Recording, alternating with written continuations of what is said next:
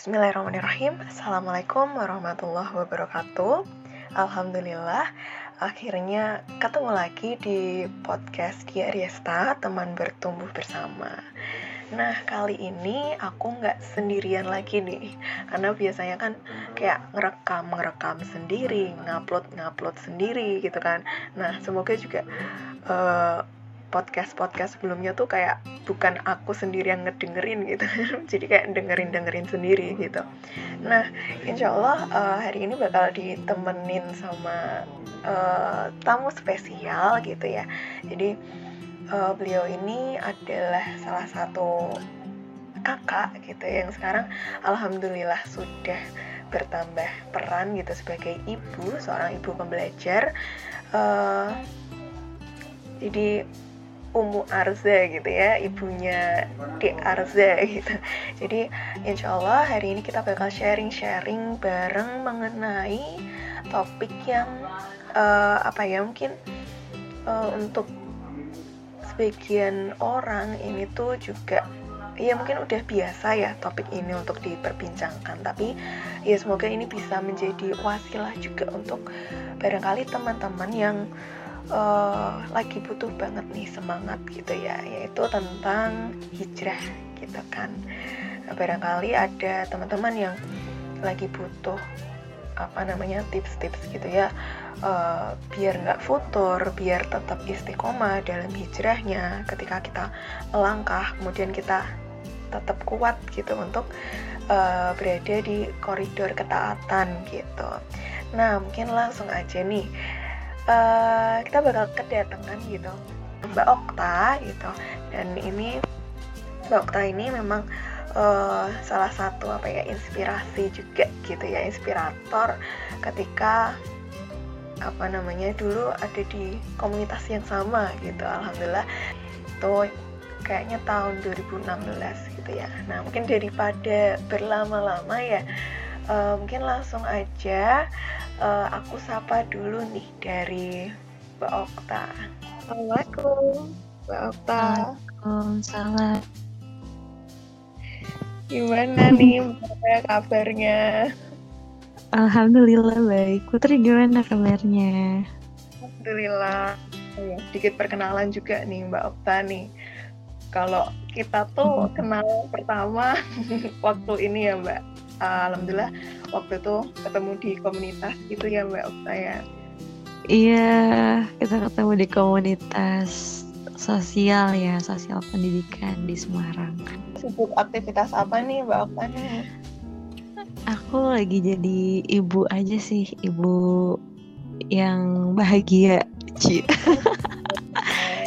yang bahagia. ya, menjalani aktivitas seperti ibu-ibu pada umumnya. Nyuci masak terus ngomong anak ngurus suami gitulah. Putri putri gimana putri? Uh, nih putri nih? Lagi cari kesibukan. Yang penting apa ya uh, istilahnya tetap dalam koridor. Pokoknya semuanya kesibukan diambil lah mbak. Yang penting ini ya apa bisa berdampak ya bermanfaat lah. Ini mm-hmm. dong mbak. Kayak podcastnya yeah. dong. Apa uh, bertumbuh gitu. Bismillah insya amin amin. Masya Allah. Nah teman-teman uh, hari ini kita mau ngobrolin apa nih mbak? Ngobrolin tentang ngobrolin tentang apa tadi awal? Tentang ini sih hal-hal yang apa mungkin ya sebenarnya udah biasa gitu ya untuk dibahas tapi mungkin barangkali dari uh, apa teman-teman pendengar gitu masya allah. Pendengar mungkin ada yang uh, barangkali butuh penguat lagi. Dari kitanya pun juga ya mbak. Kita sharing pun juga uh, istilahnya sambil mengingatkan diri sendiri juga. Nah kita mau bahas insya allah tentang hijrah gitu ya mbak Ya betul, sharing is caring ya. Jadi kita di sini sharing bukan karena uh, kita yang paling tahu, tapi kita mau apa belajar bareng gitu, bertumbuh bersama kan jadi tagline-nya. Iya. Iya iya memang uh, istilahnya insight sekecil apa pun gitu kan semoga bisa tadi ya mbak kayak berdampak gitu untuk diri kita maupun uh, apa ya lingkungan juga gitu.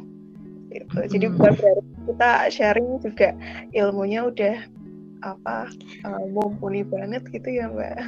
Iya. Betul banget. Lagian kan kita baru seperempat abad ya apa belum? Iya yeah. kan masih masih istilahnya masih tunas muda lah. Ya masih banyak gitu kalau kita ngobrolin masalah uh, Islam mah ya kita masih remah-remah banget ya mbak iya aduh kayak remah-remah biskuit crackers lebih kecil lagi mbak Oke, ini tuh uh, kalau misalnya di apa namanya ngobrol sama aku tuh kayak intronya tuh terlalu banyak gitu loh, Mbak. Gak apa-apa, Put. Asik-asikin aja. Ini Mbak, oke. Mungkin kita langsung aja gitu ya terkait dengan hijrah nih Mbak. Dari apa kita sharing gitu ya terkait dengan uh, yang mungkin dari Mbak Okta sendiri gitu. Dulu itu ketika awal apa ya mungkin punya niatan gitu untuk berhijrah itu tuh awalnya gimana sih Mbak? Iya jadi ini aku sharing aja ya gimana awal ketemu sama yang namanya apa Islam terus gimana uh, apa namanya jatuh bangun gak jatuh bangun juga sih kayak lebih ke menemukan diriku yang sebenarnya gitu. Kalau apa namanya awal-awalnya sebenarnya ini dari SMA sih. Aku kan uh, ikut kayak rohis gitu kan di SMA awalnya kayak belum begitu paham gitu kenapa harus uh, ikut organisasi itu terus apa sih sebenarnya manfaatnya gitu. Nah singkat cerita sih sebenarnya itu tahun 2000 ini ya 2013 lah 2013 awal lah itu ceritanya dulu yang aku belum begitu mengenal agamaku sendiri terus juga ibadah-ibadah yang mahdah gairo mahdah kayak gitu ya yang apa ibadah salat lima waktu aja tuh masih kayak bolong-bolong gitu. Itu 13 tuh eh sebelum tahun 2013 jadi kan udah kelas 2 SMA tuh ya nah itu tuh kayak uh, aku menemukan teman-teman yang bisa mengajak aku ke uh, arah kebaikan lah gitu. Jadi banyak pengalaman yang baru buat aku gitu. Apalagi nih uh, tentang me, ini ya mengenal agama sendiri gitu. Jadi mulai apa namanya kenal dengan istilah apa tuh yang mentoring terus habis itu apa namanya uh, pengajian gitu pengajian rutin ya. Apa ya namanya dulu tuh aku lupa. Pokoknya itu pengajian rutin tiap uh, hari Sabtu. Terus juga uh, uh, terus uh, ya kegiatan-kegiatan apa eventual lain lah ya uh, misalkan maulid dan lain sebagainya terus idul adha kayak pemotongan kurban dan lain sebagainya kayak gitu jadi kayak uh, mulai terbuka aja gitu pintunya nah itu awal Iya. Iya, terus kalau uh, apa namanya? Setelah SMA itu kan kuliah, nah kuliah tuh kayak mulai penasaran lagi kan. Maksudnya nggak cuma sampai situ doang gitu. Dan itu pun kayak prosesnya nggak nggak instan gitu kan. Maksudnya kalau dari diri sendiri perubahannya tuh mungkin dari uh, berhijabnya mungkin ya. Kalau pas uh, awal-awal tuh masih kayak uh, kamu tahu ini gak sih kerudung yang lempar kuda itu lempar kuda apa ini namanya kita kan uh, uh, segi empat itu loh kerudung segi empat terus lempar kanan kiri. Iya itu istilahnya kayak itu deh. Ya nah, masih masih pakai kerudung yang kayak gitu terus masih nggak bener lah kelihatan rambut. Tuh terus kan aku ngerasa beda aja gitu kan di antara teman-teman yang lain yang udah pada kerudungan panjang gitu terus pakai rok nah, aku pakai celana sendiri tuh. Ya kagok sih ya ya karena mereka juga nggak maksudnya nggak nggak yang menganggap itu aneh gitu kan. Jadi ya enjoy aja sih. Ya udah tuh setelah proses itu terus kuliah ikut apa kegiatan rohani lagi ya semakin ini sih ya semakin penasaran terus mau pelajari gitu pelajari sendiri lewat pengajian atau kayak pengajian pengajian online gitu. Ya masih mencari-cari gitulah istilahnya. Dan sampai sekarang pun kayak uh, ya masih belajar aja gitu. Belum apa ya kayak ngerasa tuh ilmunya masih cetek banget. Masih harus banyak uh, menggali lagi gitu. Uh, di dari dari apa? Uh, sumber atau asatis kan ya asatis yang bisa di percayalah yang mengikuti ajarannya Rasul. Iya. Gitu. Jadi berarti Mbak udah mulai apa ya mungkin uh, kalau biasanya gitu ya orang itu kan hijrah gitu uh, istilahnya mulai juga kayak gitu ya Mbak dari penampilan. Kalau Mbak Oka iya. sendiri gitu ya mulai yang tadi ya pakai mungkin tadinya jeans gitu terus mulai hmm. beralih mungkin sedikit-sedikit gitu pakai rok itu tadi mulai iya put. Jadi kayak pas awal-awal itu kan aku nggak ngerti ya kayak gitu. Jadi kayak masih bingung loh kok banyak sih yang pakai rok? Padahal aku nyamannya pakai jeans gitu. Terus pakai kerudung yang biasa aja gitu kan yang segi empat itu.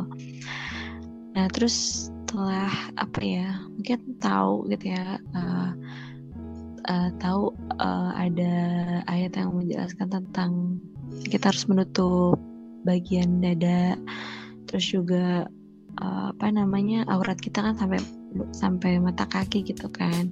Terus nggak menampilkan lekuk-lekuk tubuh. Nah itu aku udah mulai oh gitu ya gitu. Jadi harus ditutup tuh dari atas sampai bawah kecuali muka sama telapak tangan. Tapi prosesnya sebenarnya nggak nggak mudah gitu kan. Jadi kayak kalau aku kayak gini nanti dikiranya aku kenapa jadi mana nih kayak gitu.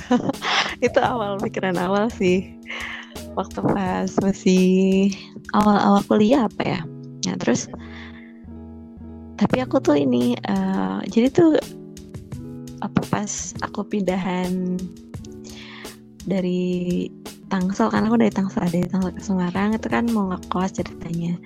Terus kan harus mempersiapkan kebutuhan kayak pakaian dan lain sebagainya itu aku udah mulai hmm, aduh kayaknya aku harus beli rok deh gitu.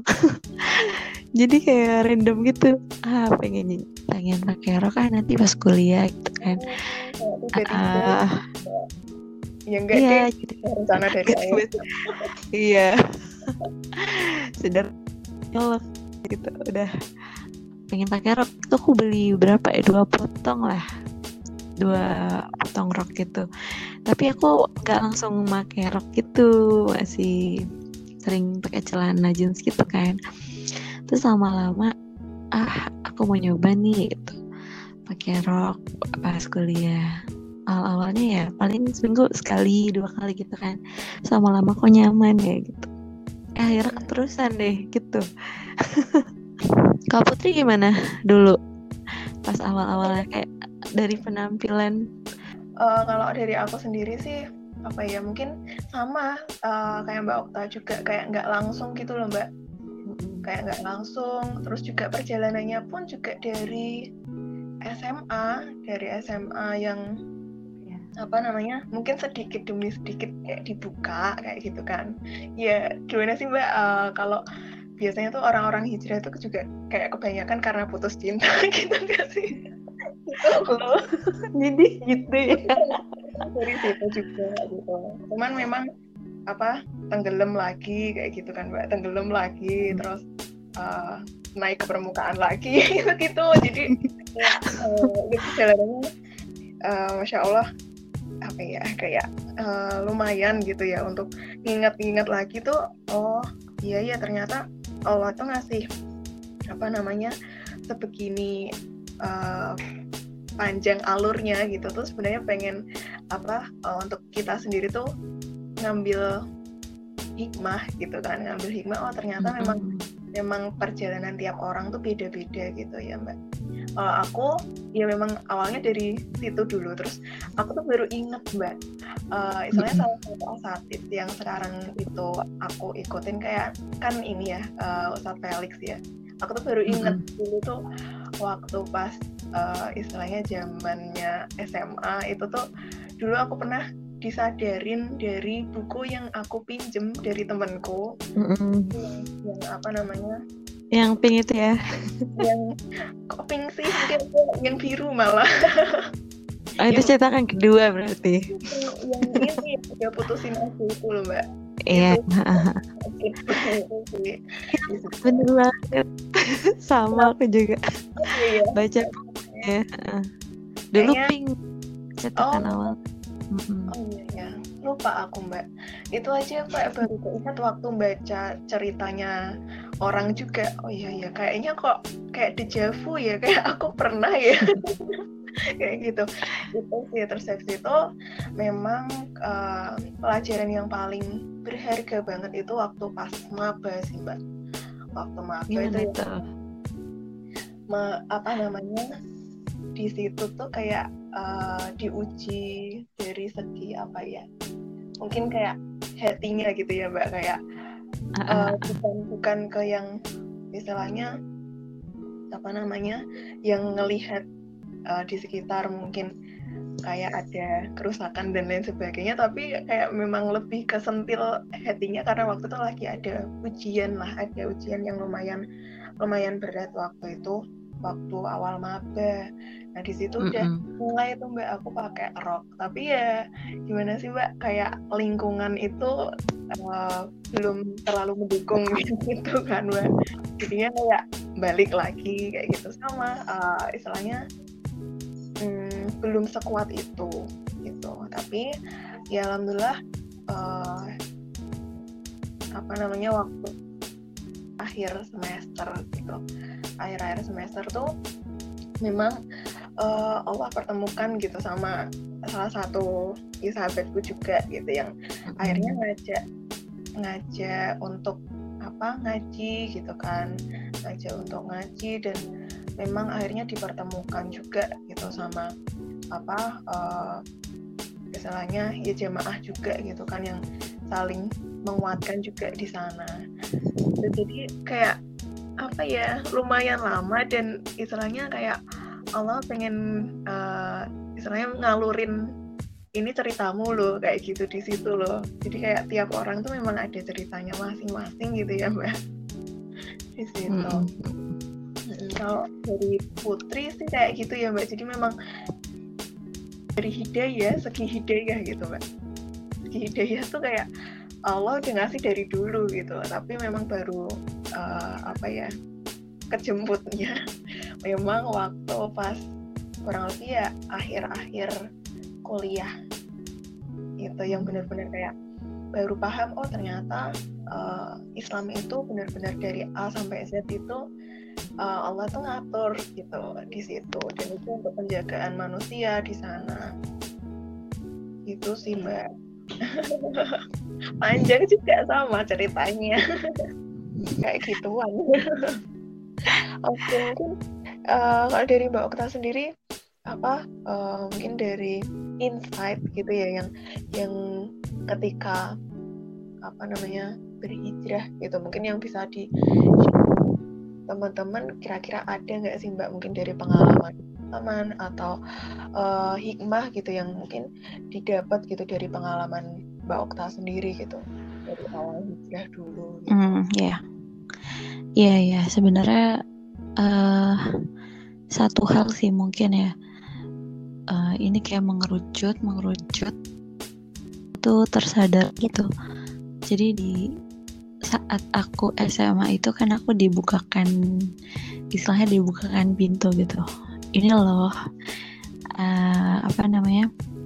ternyata kamu tuh uh, punya saudara seiman gitu yang bisa saling uh, mendoakan yang bisa saling diajak buat apa namanya bermuamalah gitu kan melakukan kebaikan dan lain sebagainya gitu jadi istilahnya kayak dibukakan pintu. Nah prosesnya itu kan nggak langsung jadi gitu kan. Nggak kita hijrah nggak langsung tiba tiba-tiba kita jadi soleh gitu. Tapi itu prosesnya panjang dan pasti tiap orang punya uh, ceritanya masing-masing. Nah selama itu selama beberapa tahun itu ya dari awal kuliah. Dari lulus SMA nih SMA terus kuliah gitu kan sampai akhirnya lulus terus menikah punya anak. Itu ternyata prosesnya itu tuh nggak selesai-selesai gitu. Jadi akan terus berlanjut. Pokoknya sampai uh, kita meninggal gitu kan istilahnya. Jadi uh, mungkin satu kesimpulan gitu yang bisa aku kasih tuh kayak sebenarnya hijrah itu tuh ya proses panjang menemukan uh, siapa Tuhan kita gitu kan. Seiring berjalannya waktu kita bertambah dewasa uh, apa namanya pola pikir kita terus berubah gitu kan. Bukan pola pikir sih lebih ke sudut pandang kita kan terus bertambah gitu ya. Jadi banyak banyak ilmu-ilmu baru terus pengalaman-pengalaman baru uh, sehingga tuh kita kaya gitu akan uh, Islam tuh ternyata uh, mudah ya gitu. Islam tuh ternyata indah banget ya gitu. Kalau kita mau mengenal mau mengenal Islam gitu. Dan itu emang harus ada uh, niat dari diri kita sendiri gitu kan. Buat uh, sejauh mana sih kita mau mengenal Tuhan kita? Terus mau sejauh apa sih kita taat gitu kan?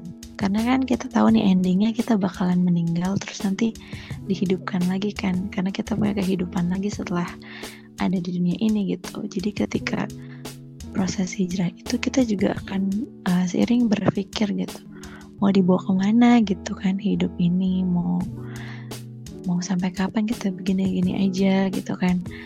Nah seiring proses itu tuh kita jadi belajar jadi menemukan banyak hal lah ya istilahnya. Uh, dari drama-drama kehidupan gitu kan. Proses kita misalkan lulus kuliah gitu kan terus kita mencari pekerjaan yang layak terus kita menemukan jodoh sampai kita menikah terus punya anak gitu. Nah itu kayak proses itu bakal mengiringi gitu eh, pencarian kita. Dan akhirnya nanti kita bakal tahu kalau ternyata tuh Islam tuh mengatur semuanya gitu kan uh, mengatur uh, kehidupan kita yang sedemikian kompleksnya itu. Setiap tahapan itu pasti ada pedomannya gitu. Dan pada satu kesimpulan bahwa uh, kita harus tetap belajar gitu untuk mencari tahu. Terus setelah itu kita uh, belajar untuk uh, perlahan-lahan menerapkan apa yang udah disampaikan Rasul terus uh, apa yang ada di Al-Quran gitu kan kita terapkan di kehidupan kita gitu. Ya jadi kayak perjalanan panjang aja sih itu. Dan harus tetap apa ya istiqomah sih emang. Karena kan kita udah tahu ya apa namanya garis finish kita tuh di mana gitu. Kalau kita orang Islam kan kita tahu tuh setelah meninggal kita bakal ada di kehidupan yang uh, apa? Yang kekal gitu. Berarti uh, untuk apa ya mungkin poin pertama gitu ya yang kita bahas. Masya allah panjang ya. Um, tentang pengalaman gitu kan. Pengalaman terus juga uh, kalau boleh apa namanya simpulin gitu ya terkait dengan hidup tadi itu sebenarnya juga proses apa ya memperbarui diri terus menerus gitu ya mbak yang itu tuh jalannya sepanjang sepanjang masa iya gitu. iya betul banget sampai kita meninggal ya kan hmm. iya benar sih memang kayak apa ya proses belajar gitu ya mbak proses belajar iya itu hijrah mm -mm. Gitu. Uh, kita beralih gitu ya ke pembahasan selanjutnya. Mungkin mbak ini kan kayak dari apa proses berhijrah itu proses apa namanya untuk bertumbuh di situ. Itu kan pasti dong uh, kita dalam perjalanannya tuh kayak ada nih tantangan yang bisa jadi itu uh, mungkin awalnya gitu menghambat gitu kan. Tapi uh, seiring perjalannya berjalannya waktu akhirnya kita sadar kalau itu tuh ya memang apa namanya sebagai ujian gitu untuk kita bisa lebih kuat di situ. Nah mungkin bisa di share juga nih mbak terkait dengan apa namanya mungkin tantangan-tantangan gitu ya yang dulu uh, mbak Okta mungkin dulu selama perjalanannya uh, mengalami gitu ketika berhijrah gitu di situ. Iya, kalau tantangan sebenarnya sih uh, mungkin benar ya kata Putri itu lebih ke ujian gitu ya. Kayak kita tuh dikasih um, batu gitu misalkan. Terus gimana cara kita ngadepinnya? Apakah kita lari, mau menyingkirkannya atau gimana gitu kan? Nah itu tuh kayak tantangan selama berhijrah itu ya sangat ini sih sebenarnya. Maksudnya dari bukan dari luar sebenarnya dari malah dari dalam diri kita tantangannya itu gimana cara kita tuh me, apa ya merespon atau uh, gimana cara kita menghadapi gitu kan menghadapi uh, misalkan cibiran atau penolakan atau apa ya istilahnya tuh eh, hal-hal uh, yang membuat kita jadi enggan berhijrah kayak gitu. Contohnya kayak misalnya uh, kalau dari segi penampilan nih ya, eh kok jadi ini sih pakai apa namanya kerudungnya kok kepanjangan sih kayak gitu misalkan. Ya kan uh, sebenarnya itu di luar uh, hal yang ada di luar kendali kita kan. Jadi kita nggak bisa me ya kita uh, cuman bisa oh iya gitu misalnya kita nggak bisa ngubah dia gitu tapi gimana cara kita ngadepinnya gitu. Menanggapi atau merespon uh, hal itu gitu. Jadi kayak lebih ke diri kita sendiri sih misalkan ada misalkan kayak cibiran atau bercandaan gitu kan kalau di lingkungan kita tuh. Kayak gitu ya ya ini aja sih berusaha banget buat tetap uh, punya keyakinan gitu. Pokoknya uh, aku melakukan perubahan ini demi kebaikan aku sendiri gitu kan. Dan aku pengen lebih baik dari sebelumnya. Jadi misalkan ada hal-hal di luar kendaliku gitu hal-hal yang membuat aku jadi enggan untuk berhijrah gitu ya uh, ya berarti itu memang ujian kan yang diberikan Allah untuk aku gitu. Ya aku harus tetap menguatkan diri gitu dengan cara terus berdoa supaya tetap uh, ada di jalan ini gitu. Berdoa terus juga uh, berusaha buat oke okay, nggak apa-apa gitu. Karena mungkin mereka belum tahu kan. Jadi kita kayak yang uh, sabar terus kayak lebih ke ngingetin diri sendiri aja sih. Supaya nggak kemakan atau kepik kepikiran gitu oh nanti kalau misalkan aku kayak gini berubah kayak gini nanti gimana ya? Uh, apakah teman-teman aku bakal ngejauhin atau gimana gitu. Dan uh, sebenarnya ada sih satu kejadian yang uh, ini ini banget gitu. Masa bukan traumatik sih lebih ke ini mungkin ujian gitu buat aku. Apa dan ini ya jadi kayak uh, dulu aku punya temen deket gitu dari SD deket banget sampai kayak aku tuh nginep ke rumah dia tiap weekend gitu kan. Terus uh, mungkin setelah kuliah kan intensitas ketemunya jadi berkurang. Jadi kita ketemu kalau pas liburan semesteran doang kayak gitu. Dan waktu itu tuh ceritanya aku masih uh, apa ya masih semester 5 apa 6 gitu ya. Nah jadi pas aku sama dia lagi jauh-jauhan LDRan lah istilahnya. Kita tuh lagi kayak um, jarang cerita kayak gitu jarang ngobrol karena kan intensitas apa namanya perkuliahannya kan udah mulai padat kan waktu itu aku. Jadi kayak mungkin ada miskom miskom sedikit dan kayak ada sesuatu hal yang menurut aku itu tuh uh, setelah aku belajar tentang itu gitu aku tuh kayak merasa ini hal yang harus dibenerin gitu aku. Dan ketika aku nyampein ini ke dia ya dia sebenarnya nggak apa ya nggak menolak sih. Cuman kayak lebih tepatnya merasa kalau dia tuh diserang gitu. Kok jadi kayak gini sih gitu.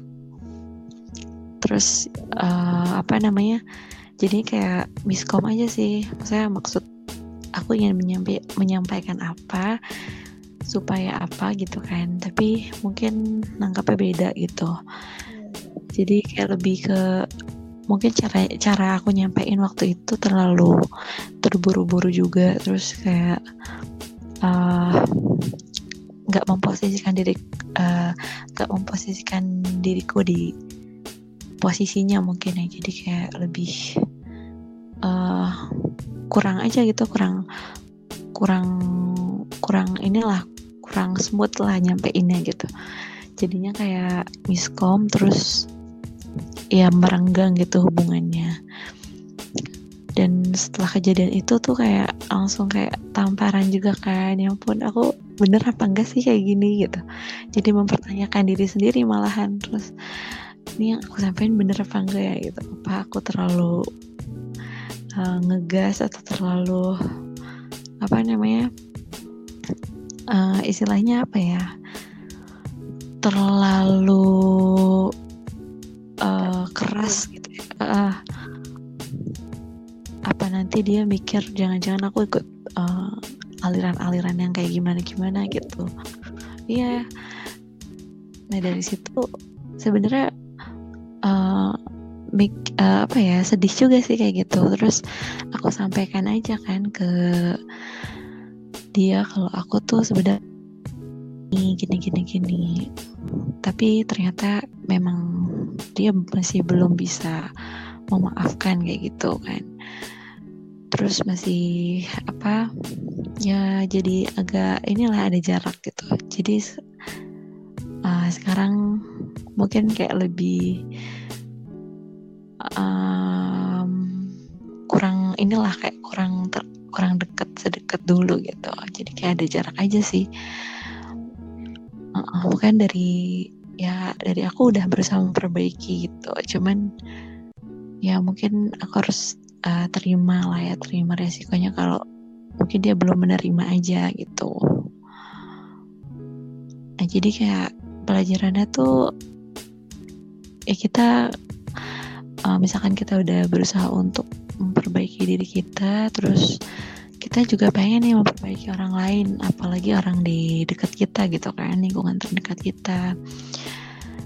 Ya kita coba aja dulu untuk memahami orang itu sebelum kita uh, memperbaiki dia itu kan.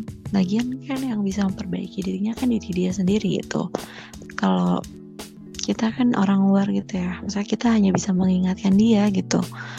Kalau misalkan kita mengalami penolakan mengalami apa uh, apa sih istilahnya nggak diterima gitu loh ya. Ada kok kita nggak diterima gitu sama orang terdekat kita ya udah kita sabar aja gitu. Pasti Allah tuh juga uh, ngasih waktu gitu buat dia berproses gitu kan sampai dia akhirnya ngerti kenapa harus begitu gitu. Kita cuma bisa uh, ngingetin terus sabar aja sih.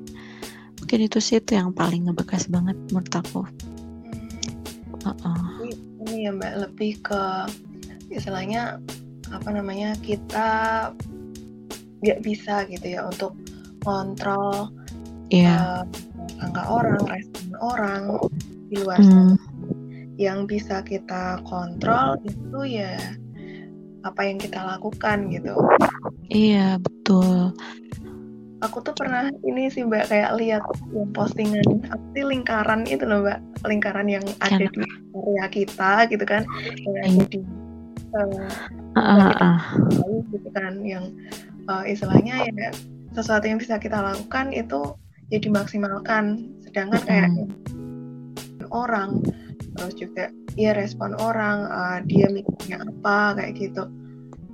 Wes yang di luar sana itu sebenarnya apa ya namanya uh, uh, istilahnya kayak bukan di area kita gitu loh. Makanya bisa kita usahakan maksimal itu kan memang apa yang kita bisa lakukan. Introspeksinya juga gitu ya mbak berarti ya memang iya betul. untuk memperbaiki juga ke depannya gitu. Dan itu terkemas gitu dalam proses hijrah itu tadi ya mbak. Kalau misalnya nggak ada ya. apa namanya kejadian kejadiannya istilahnya dalam hijrah itu kayak lurus mulus aja gitu kayak nggak ada tangan itu tuh. Iya betul. Ya seolah-olah kayak ya apa namanya kita jadi sedikit gitu mengambil pelajaran kayak uh, flat flat aja gitu ya mbak uh, jadi seiring perjalanan kita hidup tuh pasti diujikan dan lewat ujian ujian itu kita tuh kayak mengambil pelajaran. Kalau nggak kayak gitu ya dari mana gitu kan. Ya ini sih kayak lebih kita juga harus lebih berusaha buat memperbaiki diri dari hari ke hari kan. Kan ada istilahnya tuh esok harus lebih baik daripada kemarin uh, uh, jadi kalau ngerasa kita ada salah atau apa gitu ada hilaf sama orang ya kita berusaha buat um, melihat ke diri kita juga gitu. Kira-kira mungkin apa ya yang membuat dia tuh bisa begitu gitu? Apa karena perkataanku salah atau sikapkunya berlebihan atau gimana? Jadi kita nggak melulu uh, menjudge orang gak melulu kita tuh nuduh orang. Kita harus balik ke diri kita lagi gitu. Mungkin ada hal yang bikin dia juga nggak berkenan gitu kan. Hmm, ya mungkin ujian baru segitu ya maksudnya belum terlalu um, yang gimana gimana gitu kan masih yang ringan-ringan lah dan ini juga harus dijemput tuh. Ya kalau kita nggak kan ada tuh ya kayak perintah kita buat ingkar mungkar itu ngingetin. Nah, karena kalau kita tahu ilmunya kalau kita nggak nyampein kan kita yang dosa gitu. Dia dia melakukan dosa tapi kita tahu itu dosa gitu kan. Jadi kita yang kena dosanya gitu. Jadi ketika kita tahu apa asal muasal apa namanya tuh uh, kita tahu hukum dari suatu hal suatu perbuatan kalau mempraktekannya gitu kan jadi kitanya yang kena dosa gitu kan. Uh, uh, jadi ya takut juga gitu kalau aku misalkan nggak nyampein kebenaran ini kepada orang yang dekat sama aku itu tadi nanti kan ya nggak cuman dia aja yang kena tapi aku juga gitu jadi mikir ke situ sih lebih ke situ uh -uh. mungkin kamu ada cerita-cerita yang se sama atau ada yang beda gitu sebenarnya kurang lebihnya uh, sama juga gitu ya jadi hmm. kalau yang mungkin aku aku juga rangkum dari teman-teman juga gitu ya yang yang mm -hmm. mungkin dia juga dalam proses berhijrah itu kan memang kebanyakan ini ya mbak uh, ujiannya gitu. Ketika mm -hmm. apa namanya ada cibiran dari orang atau mungkin tadi uh, ngerasa kayak dia apa ya namanya dijauhin gitu kan. Dijauhin kok apa namanya aku aku berubah seolah-olah kayak kayak orang-orang jadi nggak deket lagi sama aku kayak gitu kan mbak itu mm -hmm. sebenarnya apa ya setipe gitu. Uh, mungkin kalau untuk cewek-cewek kayak gitu ya mbak. Kalau kalau yang lainnya nggak paham ya. Karena memang yeah. Iya. uh, lebih ke ini nggak sih mbak? Lebih ke karena kita kaum kaum berperasaan gitu. Iya ngaruh juga loh. Iya ngaruh ya. Ngaruh juga. Ya, kalau ya ya ya gimana mbak? Gimana ya? Kalau cewek kan lebih ke mungkin ya kalau nggak mungkin juga sih tapi emang perempuan dan laki-laki itu kan ciptakannya berbeda ya. Lebih kalau laki-laki lebih ke apa pas gitu. Kayak uh, lebih rasional. Kalau perempuan kan lebih ke perasaan emosional kayak gitu. Jadi cara berpikirnya tuh beda gitu dan lebih baperan kok cewek tuh. Ya, bener sih. Uh, kayak misalnya tadi mbak mbak Okta ya kayak ya aku juga ding. Kayak misalnya mau ngangkah gitu kan mau ngangkah ah pakai gamis ah gitu kan. Terus eh tapi nanti pikirannya orang-orang gimana ya? Gitu kan. Iya gitu. Jadi kalau yang belum terjadi itu kepikiran gitu kan. Udah ngerangkai sendiri uh, apa yang bakal ter terjadi gitu. Padahal belum tentu gitu kan. Iya bener. Jadi kita tuh terlalu overthinking kini bahasa bahasa Jawa sekarang. Ya, ya memang memang godaan godaan setan itu juga berupa bisikan-bisikan kayak gitu ya mbak ketika kita mau iya. apa namanya menjadi lebih baik gitu ya berniat untuk baik gitu. Mm -hmm. tapi memang ya yang namanya setan pun juga membisiki dari arah mana aja gitu kan mm-hmm. entah itu mau nyampein dan ke orang-orang itu apa namanya ya mundur karena apa namanya ah, mungkin waktunya belum bisa jadi di situ dan ketika misal tadi mau berubah uh, apa namanya ya mungkin mulai pakai baju syari gitu kan mm-hmm. kayak mikirinnya tuh lebih ke pendapat orang kayak gitu mm-hmm. terus juga ini mbak kalau apa namanya uh, teman-temanku gitu aku pun juga sering dulu waktu waktu kuliah awal-awal eh bukan awal-awal ding maksudnya waktu awal-awal pakai apa memutuskan untuk pakai yang lebih panjang gitu kan ya mm-hmm. itu tuh bisa jadi kayak mungkin ada yang uh, kaget gitu ya kaget transformasinya kayak gitu. Itu kayak uh, biasanya kayak ngomongnya Bu Ustazah kayak gitu gitu iya gak sih mbak? Bu Ustazah. Di lain kayak gitu. Gitu. Itu kan kayak apa namanya cibiran umum bukan cibiran ya mungkin untuk menyemangati ya. Aminin aja gitu ya mbak. Uh, uh biasanya ukti assalamualaikum ukti gitu kan. Kalau yang kejam itu kayak gini mbak. Itu ya gitu? kayak oh oh iya gak bisa kan biasanya. Iya aku di juga pernah di malah di panggil apa tuh mau pada ke mana nih kayak apa ibu-ibu pengajian aja gitu terus aku tanggapin aja iya emang mau ngaji. Iya santai aja ya mbak. Iya. Dulu aku awal ya memang kayak karena mungkin ya belum siap sama uh, omongan semacam itu itu kayak masih ini sih mbak kayak apa nanggepinnya memang belum bisa kekontrol ya mbak. Dulu. Iya.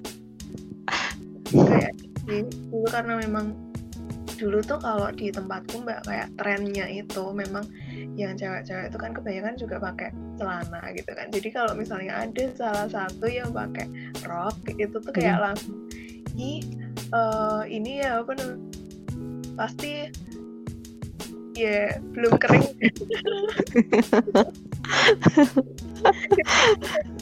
Kayak langsung ciut gitu mbak. Besoknya pakai celana lagi gitu hmm. Ya, Masya Allah.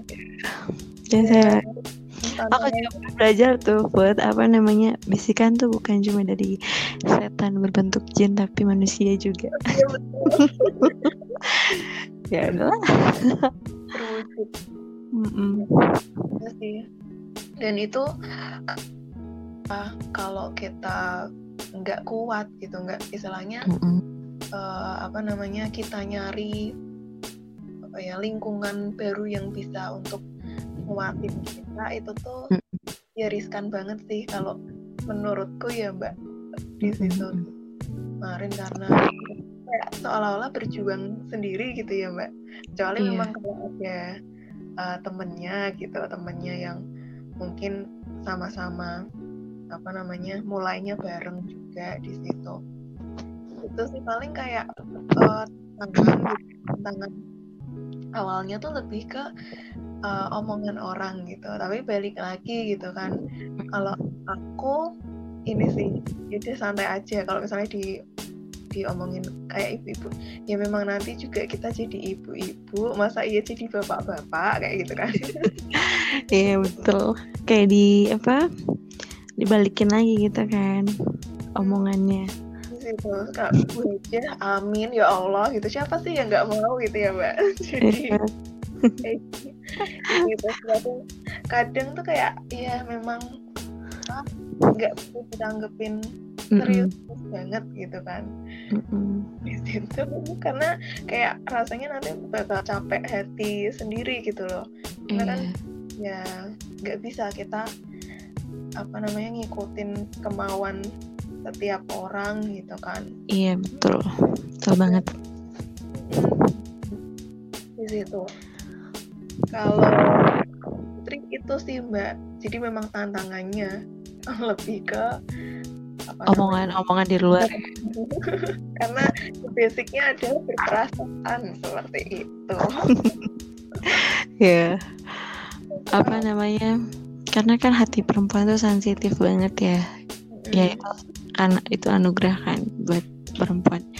Ada banyak banget kelebihannya kalau uh, kita tuh punya hati yang sensitif gitu kan.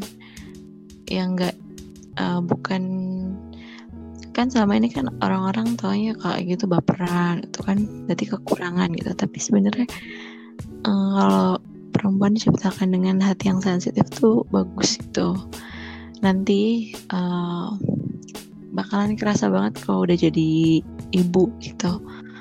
Uh-uh. ya ini yang aku alamin sekarang aja sih.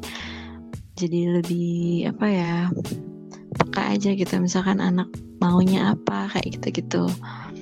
Lebih apa ya banyak kan kelebihannya daripada kekurangannya. Itu sih. Ya karena udah uh, masya Allah ya Allah tuh nyiptain tuh udah sesuai porsinya iya gitu kan. udah sesuai ukurannya banget yang namanya seorang ibu gitu dengan apa namanya ya diberi apa fitrah gitu fitrah untuk uh, punya yang peka itu kan ketika Hmm. punya memang itu loh apa, istilahnya baru kerasa juga ya gitu Mm-mm. Iya sama ini cuman baper-baper. Ya inilah apa namanya di keseharian gitu kan misalnya ada omongan-omongan gitu baper. Ya tapi gimana emang udah kayak gitu kan di ya tugas kita ya mbak memang untuk mengelola balik lagi ke area Iya. yang bisa kita kuasai gitu. Mm-mm. untuk kita berusaha mengelola perasaan terus gimana sekarang put? Udah semakin ini kan tangguh. Udah nggak yang lagi. Omongan orang udah mental. Insya Allah doa Insya Allah. Nah, memang balik lagi ya mbak kayak kadang itu memang kalau yang namanya perasaan itu kan kayak naik turun gitu kan mbak.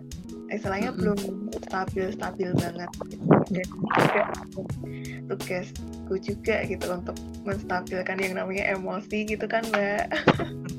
Di situ. Kadang ketika lagi ya stabil ya santai aja. Tapi ketika mungkin dalam kondisi yang memang eh, lagi nggak ngedukung gitu ya itu ya bisa jadi juga masih apa namanya masih butuh proses apa ya belajar lagi gitu untuk Mm-mm. mengenal itu semua ini tantangannya apa ya kalau hijrah itu Eh, sebenarnya lebih ke itu ya.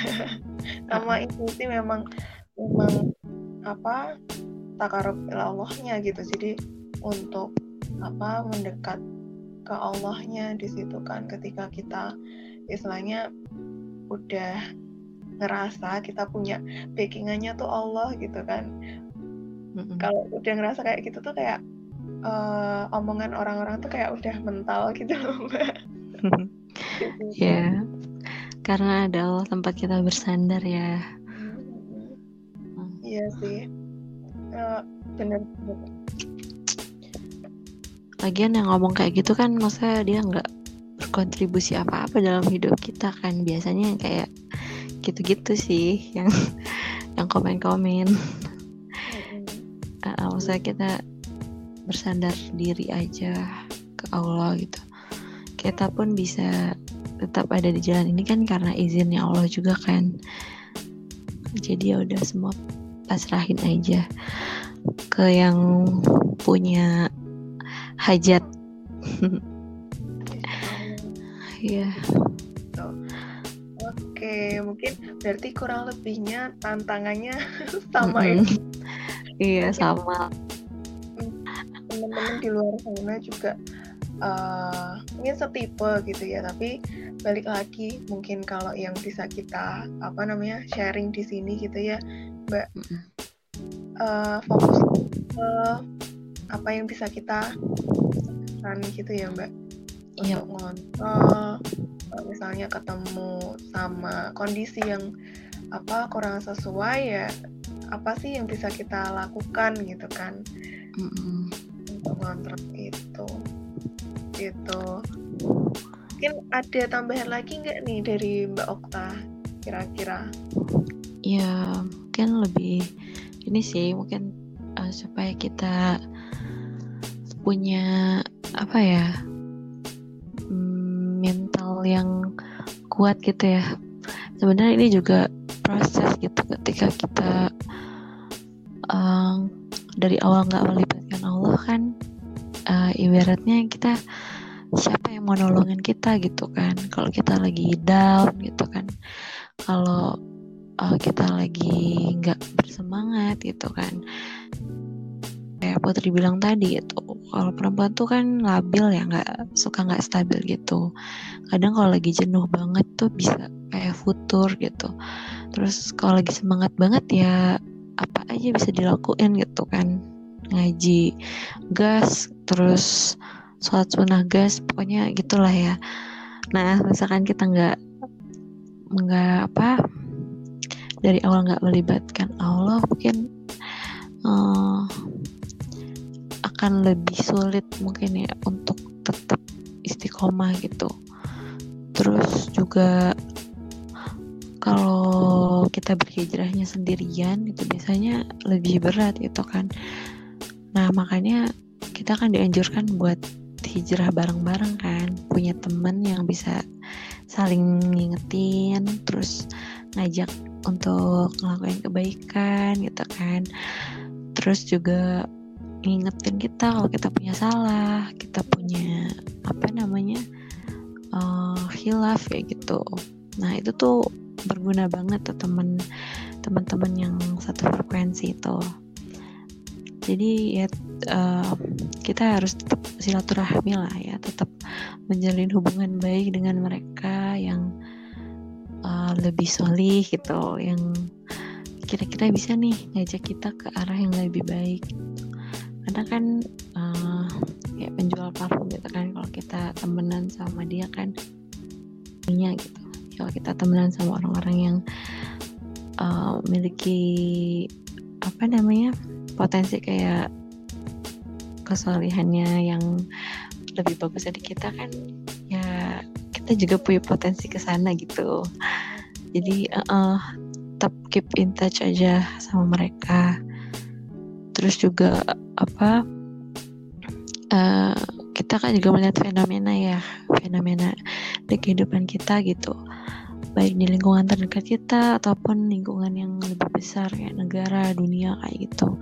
Nah banyakin aja tuh apa namanya um, pengetahuan umum kita gitu kan tentang keislaman gitu dunia Islam. Gimana uh, apa namanya keadaan saudara-saudara kita di Timur Tengah sana. Terus juga apa gimana nih keadaan umat muslim sekarang? Gitu gimana anak mudanya gitu. Kita juga harus tetap melek gitu sama fenomena-fenomena itu gitu. Karena siapa yang bisa memperbaiki itu kan? Kalau bukan kita nih agen-agen perubahan ceritanya. Ya kan? Jadi ya apa selagi masih muda ya kita uh, tetap inilah harus semangat gitu. Tetap apa ya uh, jangan ikut-ikutan gitu tren-tren yang lagi viral. Kalau memang tren itu baik untuk diikuti terus punya manfaat yang memang besar gitu buat hidup kita buat kehidupan kita selanjutnya ya nggak apa-apa. Cuman kalau yang cuman apa cuma mau trending doang kayak gitu ya mending nggak usah tinggalin aja gitu kan. Sekarang kan banyak banget ya kayak apa namanya tuh yang viral-viral gitu kan. Yang baru kemarin itu mbak.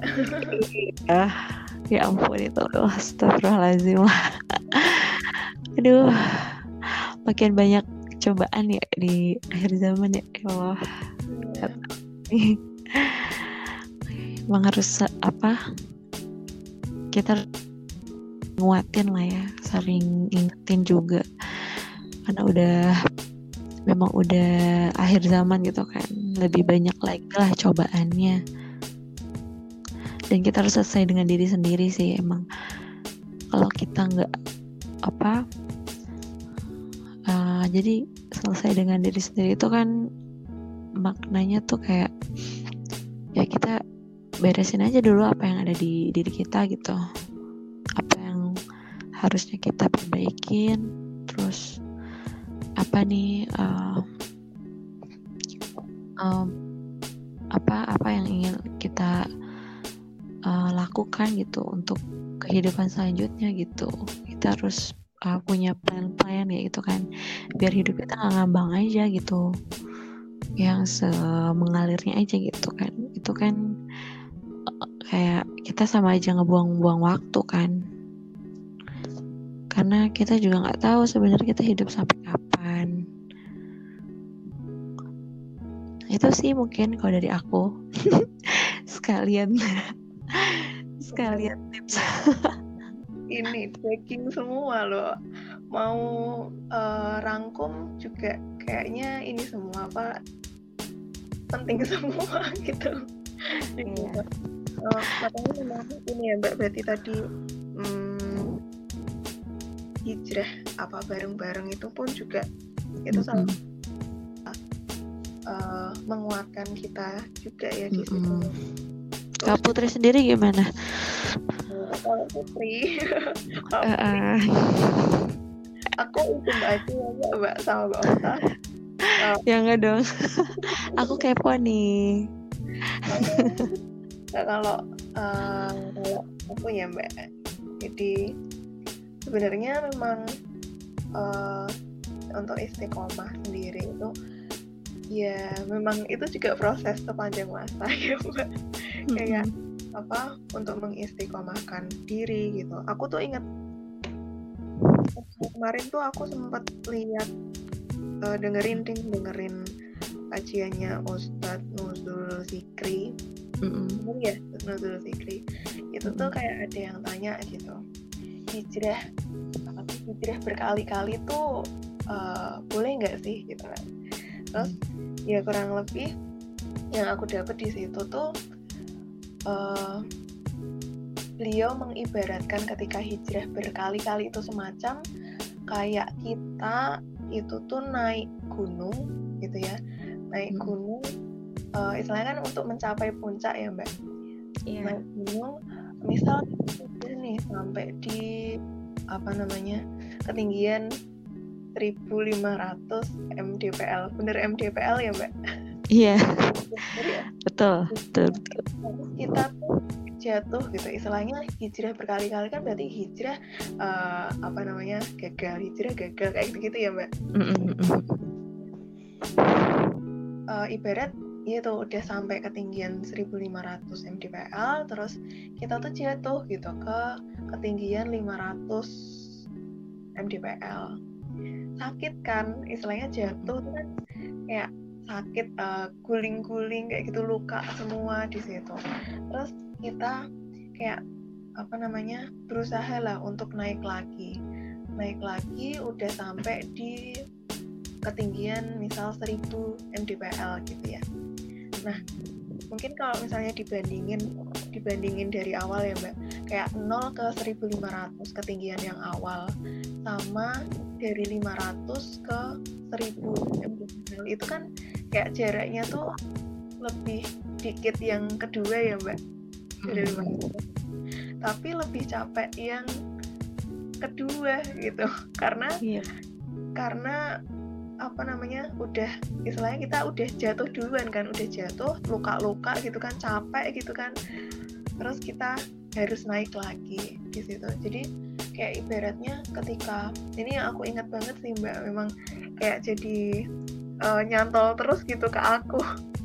Kalau kalau kita istilahnya eh, udah nih niat gitu kan untuk hijrah untuk hijrah. Kemudian eh, apa namanya kita berarti apa namanya di belakang tuh ada konsekuensi gitu untuk kita itu eh, terus apa ya namanya mengupgrade diri gitu kan untuk bisa mengistiqomahkan diri dan itu tuh kita harus mau nggak mau ya tetap harus maksain itu gitu loh maksain ketaatan tuh boleh nggak sih mbak? Maksain Maksain? Heeh, maksain. Jadi istilahnya ya setiap harinya tuh tetap harus mempertahankan istilahnya mempertahankan ketaatan itu entah itu dengan eh, walaupun dengan progres yang sedikit Harus itu mah. itu sih itu yang aku ingat Mm-mm. walaupun istilahnya aku istilahnya hijrah berkali-kali tuh yang dalam konteks hijrah terus habis itu kecemplung kayak gitu hijrah Hmm. lagi terus apa namanya jatuh lagi kayak gitu. Itu tuh aku pikir nggak apa-apa ya mbak. Tapi ternyata oh iya kalau dilogikain kayak gitu ya memang bener sih capek gitu. Dan balik lagi ke apa namanya garis waktu gitu ya. Ketika kita di dunia pun kita juga nggak bisa apa namanya mastiin gitu. Kita eh, apa namanya nanti akan berakhir dalam keadaan yang ketika kita jatuh atau eh, kita udah naik lagi nih gitu. Itu sih itu sih yang apa ya namanya kayak aku ingat dari situ. Nah kalau untuk tipsnya ya balik lagi dari usaha-usaha yang bisa kita lakukan ya sebisa mungkin untuk nyari jamaah gitu untuk nyari jamaah.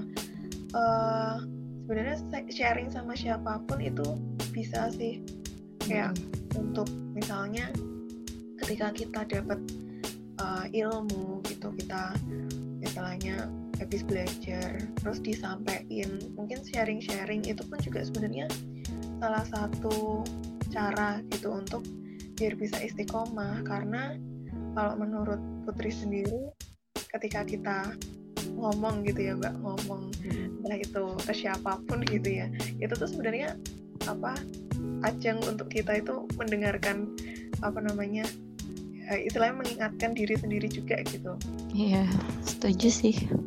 Hmm, karena kan kadang juga ini ya mbak. Gimana? Uh, terlalu berlumut gitu ketika kita nyari ilmu gitu kan nyari ilmu terus tapi nggak nggak dibagiin. Ya istilahnya kayak kita nampung air gitu nampung air di di apa apa ya bahasanya tuh kuci kayak kuci. Gitu, secara apa lama gitu di sana. Tapi kan lama-lama juga bakal berlumut kalau nggak dialirin gitu ya mbak. Mm -hmm. benar. gitu ya sedikit apa pun ilmu kita misalkan itu dirasa bermanfaat ya papa dibagiin ya. Ya dengan koridor yang jelas gitu misalkan sumbernya dari mana kita harus jelas ya nggak sih? Hmm, ya sih. Dengan apa itu juga kayak ingkar mungkar kan kayak kita uh, mengingatkan uh, orang lain supaya uh, lebih baik lah ya sesuai dengan Al-Quran dan hadis itu ya itu juga buat kayak ajang buat ingetin diri sendiri. Makanya kan biasanya ada hashtag TMS tuh not to myself. Ya kan ya biasanya. Uh, lebih kepada ini sih menulis untuk diri sendiri. Iya sih. Uh -uh. iya mbak. Apa healing nulis healing apa sih ngobrol sendiri itu kayak iya. healing healing gitu. Eh bener. Kayak media buat rilis uh, emosi juga kan. Kalau perempuan kan lebih ke dia harus ngomong gak sih? Harus sehari tuh belas ribu kata ya berapa sih? Dua puluh ribu. Lah dua puluh ribu kata per hari. dua puluh ribu ya banyak banget ya. Iya makanya itu juga bisa jadi ajang buat kita me mencurahkan dua puluh ribu kata itu. Dengan sharing sharing sharing sharing bermanfaat aja tapi ah tipsnya lagi ya uh, tetap balik lagi ya kita mm -mm. kita ini kan istilahnya diciptakan gitu sama Allah uh, istilahnya yang punya hati kita gitu kan Allah yeah. boleh balikan hati ya kayak gitu jadi uh, gimana pun tempat istilahnya ketika kita ya mungkin bisa sharing ke manusia tapi ketika kita lupa akhirnya kayak uh, istilahnya apa ya akhirnya nggak cerita gitu ke Allah gitu. Itu nggak nggak ke istiqomahan tuh ya biar di istiqomah ya sama aja sih. Karena ya memang semuanya balik lagi gitu kan. Uh, semua yang punya kita gitu di situ jadi memang harus imbang semuanya ya mbak Betul. Gak boleh berat sebelah ya, tetap harus imbang. Iya nih. Ya mungkin kalau dari Mbak Okta sendiri ada lagi nggak nih kayak tips-tips biar ya mungkin teguh dalam pendirian. Udah deh kayaknya tadi cukup mungkin teman-teman di sini bisa juga untuk berkomentar. Komentar. Wow komentar. Iya sharing-sharing gitu ya di sini.